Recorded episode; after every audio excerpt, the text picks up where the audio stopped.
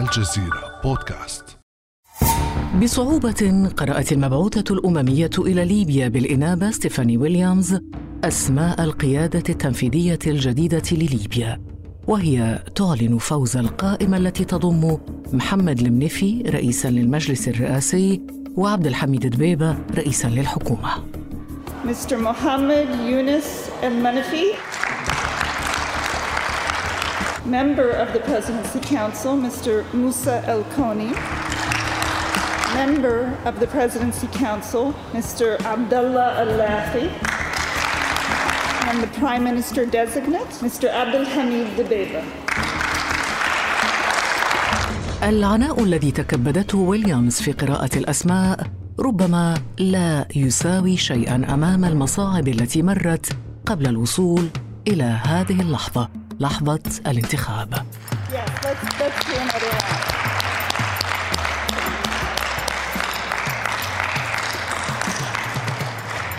خرجت إلى المشهد الليبي قيادة تنفيذية جديدة. كانت خارج التشكيلات القائمة وأبرز اسمين فيها لم يتوليا أي مناصب سياسية بعد الثورة. لكنها خرجت برسائل طمأنة حاول رئيس الحكومة المنتخب أن يرسلها. سأكون مستعدا للاستماع للجميع والعمل مع الجميع باختلاف أفكارهم ومكوناتهم وأطيافهم ومناطقهم من أجل الوطن وأعتقد أن الوطن يستحق منا جميعا هذا التعاون والتآزر في الذكرى العاشرة للثورة الليبية يتطلع الليبيون إلى الاتفاق الجديد والسلطة الجديدة التي احتدم التنافس قبيل انتخابها ويتوقع أن تستمر الصراعات حولها. فلمن كانت الغلبة في اتفاق جنيف وهل سيتمكن رئيس الحكومة المنتخب من تجاوز الانقسام وتوليف حكومة قوية؟ وهل تنجح الحكومة في تحقيق خارطة الطريق؟ بعد أمس من الجزيرة بودكاست أنا خديجة بن جنة.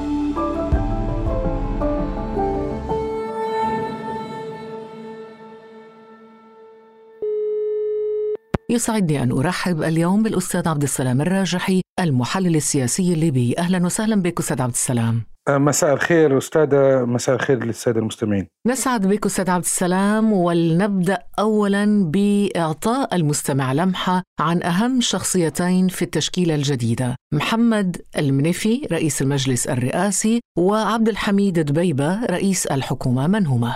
الدكتور محمد المنفي هو مواليد 1976 من مدينة طبرق. وهي المدينة ال- في أقصى الشرق الليبي والقريبة من الحدود المصرية. شارك في ثورة 17 فبراير في ذلك الوقت رغم أنه كان نشطا في الاتحادات الطلابية لنظام القذافي وكان نشيط جدا يعني في في الجامعات في هذا في هذا الخصوص. لكنه انضم مبكرا لثورة 17 فبراير وساهم فيها.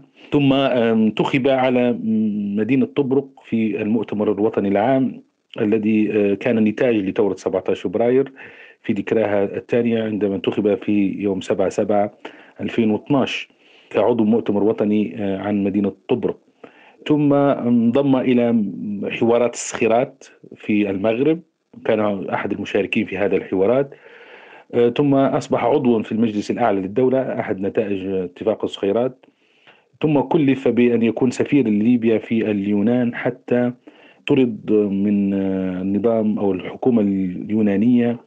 من هناك بسبب توقيع الاتفاق أو مذكرة تفاهم آه، رسم الحدود البحرية الاقتصادية الليبية التركية بالنسبة التي؟ اليونان ترفضها السيد عبد الحميد الدبيبة رغم أنه كان يتقلد مناصب مهمة ويقود شركات كبيرة جدا يعني تدير العديد من المشاريع آه، البنى التحتية وغيرها في نظام القذافي لكن أنه انشق على النظام مبكرا وانضم لثورة 17 فبراير وساهم مساهمات مهمة في نجاح الثورة خصوصا على مستوى طرابلس ومستوى مدينة مصراتة هناك.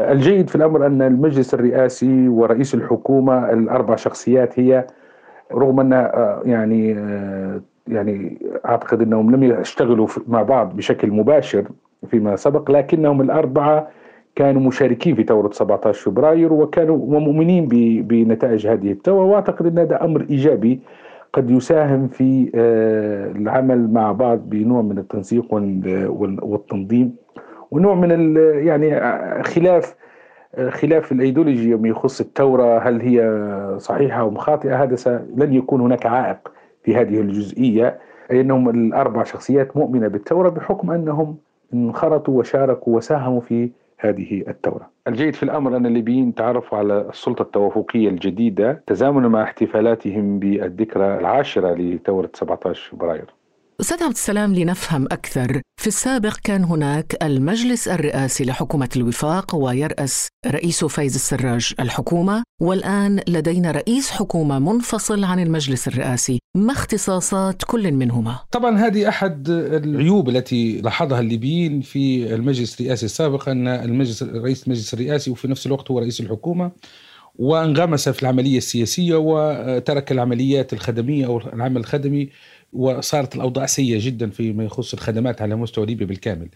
الآن هناك جسمين، الجسم التنفيذي يتمثل في مجلس الوزراء برئاسة السيد عبد الحميد الدبيبة ورئيس جسم سياسي وهو في نفس الوقت القائد الأعلى للجيش الليبي. اختصاصات المجلس الرئاسي مجتمعا بالاضافه للسيد السيد محمد المنفي بالإضافة للسيد موسى الكوني والسيد عبد الله اللافي أن يكون هذا الجسم متكون يعني أي قرارات لابد تؤخذ بالإجماع ولا يعد أي قرار يخرج من هذا الجسم أو هذا المجلس إلا بإجماع الثلاث شخصيات. أهم هذه الشخصيات أنه هو الممثل الشعب الليبي في المحافل الدولية. أيضا هو القائد الأعلى للجيش الليبي وهو أيضا يعني هو المسؤول على تكليفات وزارتين الدفاع والخارجية بالتعاون مع أو بالتنسيق مع رئيس الحكومة. بالإضافة هو مسؤول على ترشيحات السفراء والقناصل والقائمين بالأعمال في السفارات الليبية وأيضا هو يعتمد سفراء الدول الأجنبية في ليبيا. أيضا هو المسؤول على خارطة طريق المصالحة الوطنية وأيضا هو المختص بالنسبة للمجلس الرئاسي أيضا من اختصاصاته هو تكليف رئيس للمخابرات العامة وبعض الأجهزة الأمنية الأخرى بحسب التشريعات بالتنسيق مع مجلس النواب. أما بالنسبة لرئاسة الوزراء فهي المكلفة بتقديم الخدمات خدمات كهرباء سيولة يعني مياه عزك الله صرف صحي قمامة خدمات طبية خدمات تعليم اقتصاد تجارة مواصلات مطارات. هذا كلها الآن أصبحت على عاتق مجلس الوزراء أو برئاسة السيد عبد الحميد. دبيبة. لكن سيد عبد السلام هذا الاتفاق الوليد ليس الأول هو يبني على اتفاق الصخيرات الموقع في ديسمبر 2015 هل برأيك اتفاق جنيف حاجة إذا حاجة ليبية حتمتها سنوات الحرب وتوازن الرعب أم هو التقاء مصالح الأطراف المؤثرة في ليبيا إقليميا ودوليا؟ هو طبعا أحد مخرجات ما حدث في جنيف هو مؤتمر برلين في يناير 2020 عندما اجتمعت الدول الكبرى والمتداخلة في الأزمة الليبية. أقروا في ذلك الوقت خارطة طريق برعاية البعثة الأممية والتي قدمها غسان سلامة جزء منها وأيضا كان للدول المتداخلة في الأزمة الليبية دور في هذه الخارطة. أهم هذه بنود هذه الخارطة هو تأسيس لجسم تنفيذي جديد أكثر توافقية بين الأطراف الليبية لأن المجلس الرئاسي انسحب منه ممثلين المنطقة الشرقية أو ممثلي خليفة حفتر وانهار المسار بالكامل لأن كان هناك مسار ترعاه البعثة قبل مؤتمر برلين وقبل عدوان طرابلس حفتر على طرابلس كان في أبريل 2019 هو استكمال فقط للمسار البعثة الأممية الذي انطلق والمفترض كان في المؤتمر الجامع أو الوطني الجامع الذي كان في مدينة غدامس والذي ترعاه البعثة الأممية في منتصف أبريل 2019 والذي انهار بسبب عدوان حفتر على طرابلس. أعتقد أن الحالة الليبية متشابكة، هناك جزء منها إقليمي وجزء منها داخلي. أنا أعتقد أن العقلية الليبيه العقلية الليبية للمرة الثانية تنحى نحو آه، الشخصيات الأقل جدلية والأقل آه، قوة. كما حدث في الصخيرات هناك يعني أجواء تفاؤل كبيرة تحيط بهذا الاتفاق وحتى رئيس الحكومة الليبية المنتخب عبد الحميد دبيبة بدا متفائلا بقدرته على التواصل مع كل أطراف المشهد الليبي في الشرق وفي الغرب وتلقى ترحيبا من كامل الطيف السياسي الليبي. اللواء المتقاعد خليفة حفتر الذي كان أبرز العقبات في طريق تنفيذ اتفاق الصخيرات رحب الناطق باسمه أحمد المسماري بالاتفاق الجديد دون تحفظ. التي أدت لانتخاب السلطة التنفيذية الجديدة التي يتطلع إليها كل الليبيين وفي هذا الإطار فإن القيادة العامة تتقدم بالتهنئة للشخصيات الوطنية التي تم انتخابها لشغل مقام المجلس الرئاسي الدكتور محمد يونس المنفي ورئيس الحكومة الوطنية السيد عبد الحميد البيبة. وجاءت قرارات المسار العسكري خمسة زائد خمسة متناغمة مع الجو الجديد. تعلن اللجنة عملية البدء الفعلي في نزع الألغام ومخلفات الحرب بدءا من 10 فبراير 2021 تمهيدا لفتح الطريق الساحلي. لكن مهمة توحيد ليبيا المنقسمة تحت قيادة سياسية واحدة يواجه تحديات تتجاوز الأجواء الاحتفالية في جنيف. بعيدا عن الأجواء التفاؤلية أستاذ عبد السلام كيف تنظر إلى قدرة رئيس الحكومة على توليف حكومة تمثل كل الليبيين رغم التناقضات الحادة جدا في المشهد؟ أعتقد إن الليبيين استفادوا من التجربة السابقة والسيد عبد الحميد الدبيبه أيضا استفاد من هذه التجربة. تجد له خمس سنوات في المجلس الرئاسي أو ست سنوات. أعتقد إنه يعني من الصعب إرضاء جميع الأطراف السياسية لأن في النهاية الكل يريد حكومات وزراء وممثلين له في هذه الحكومة. والكل عينيه على المناصب الكبيرة والوزارات السيادية من الصعب يعني إرضاء الكل لكن الصعوبة في عملية التوازن الجغرافي والتوازن السياسي في تشكيلته الحكومية. الشارع يطالبه بأن يكون بيكون وزراءه تكنوقراط أي يكونوا ذو كفاءه. الأطراف السياسية لا تريد مناصب، فهنا التوازن كيف يرضي الشارع؟ وأنا عندما أتكلم عن الشارع أتكلم على أغلبية الشعب الليبي، يعني أنا ليس هنا أتحدث باسم الشعب الليبي لكن ردود الأفعال في وسائل التواصل الاجتماعي خصوصا يعني كمؤشر أن الكل لا يريد أسماء جدلية حتى في حكومته. يعني يتطلبون أن يكون هناك وزراء بمستوى الكفاءة والخدمات أقرب أن يكونوا وزراء لديهم انتماءات سياسية وولاءات سياسية لاطراف الصراع الليبي. إذا استطاع السيد عبد الحميد بيدة أن يكيف هذا الطرفين أو هذه المعضلتين أو الطلبين يعني إرضاء الأطراف السياسية والجهوية في ليبيا وإرضاء الشارع الليبي هنا سينجح كخطوة أولى. المرحلة يجب يعني السيد عبد الحميد بيبة أول مرحلة الآن يجب عليه طرح حكومته خلال 21 يوم يعني يوم 26 فبراير القادم يجب أن يسلم المجلس النواب تشكيلته الحكومية. إذا الموعد السادس والعشرين فبراير موعد مهم. هنا تحيلنا أستاذ عبد السلام إلى نقطة مهمة وهي أن رئيس الحكومة التابعة لحفتر عبد الله الثني اشترط موافقة البرلمان على حكومة دبيبة. والكل يعرف طبعا أنه لا يعترف بالبرلمان المنعقد بطرابلس أي أنه يقصد ربما الموافقة على الحكومة من طرف المجتمعين بطبرق هل هذا الكلام أو هل يعني اثني ما يقول أم أنه يناور فقط؟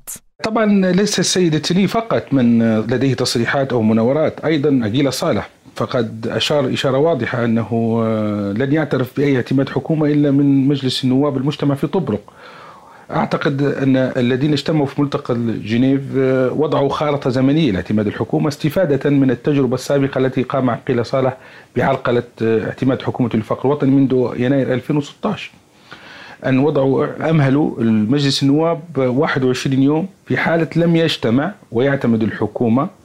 سيقوم المؤتمر الحوار أو لجنة ال 75 كما يسمىها الليبيين باعتماد هذه الحكومة.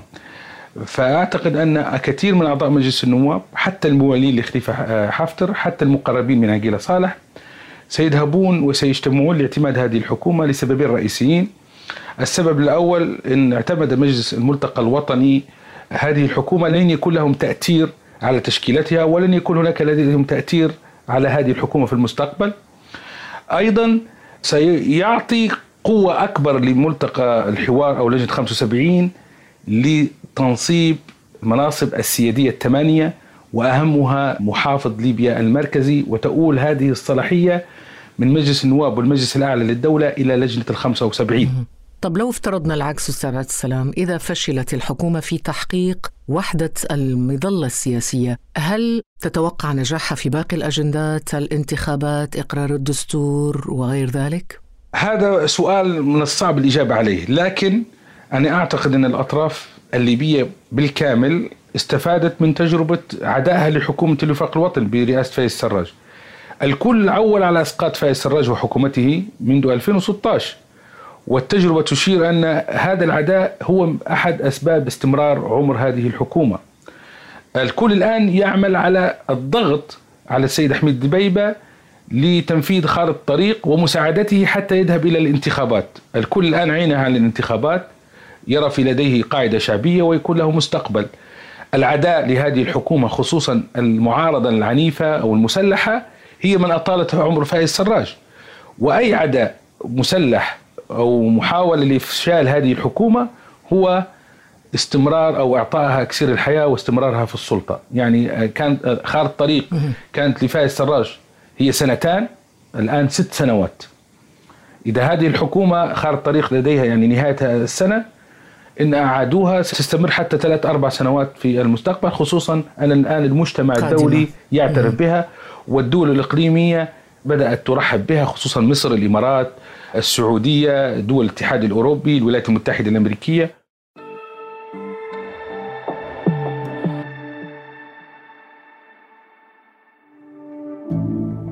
ابقى على تواصل مستمر مع الجزيرة بودكاست ولا تنسى تفعيل زر الاشتراك الموجود في تطبيقك لتصلك الحلقات يومياً.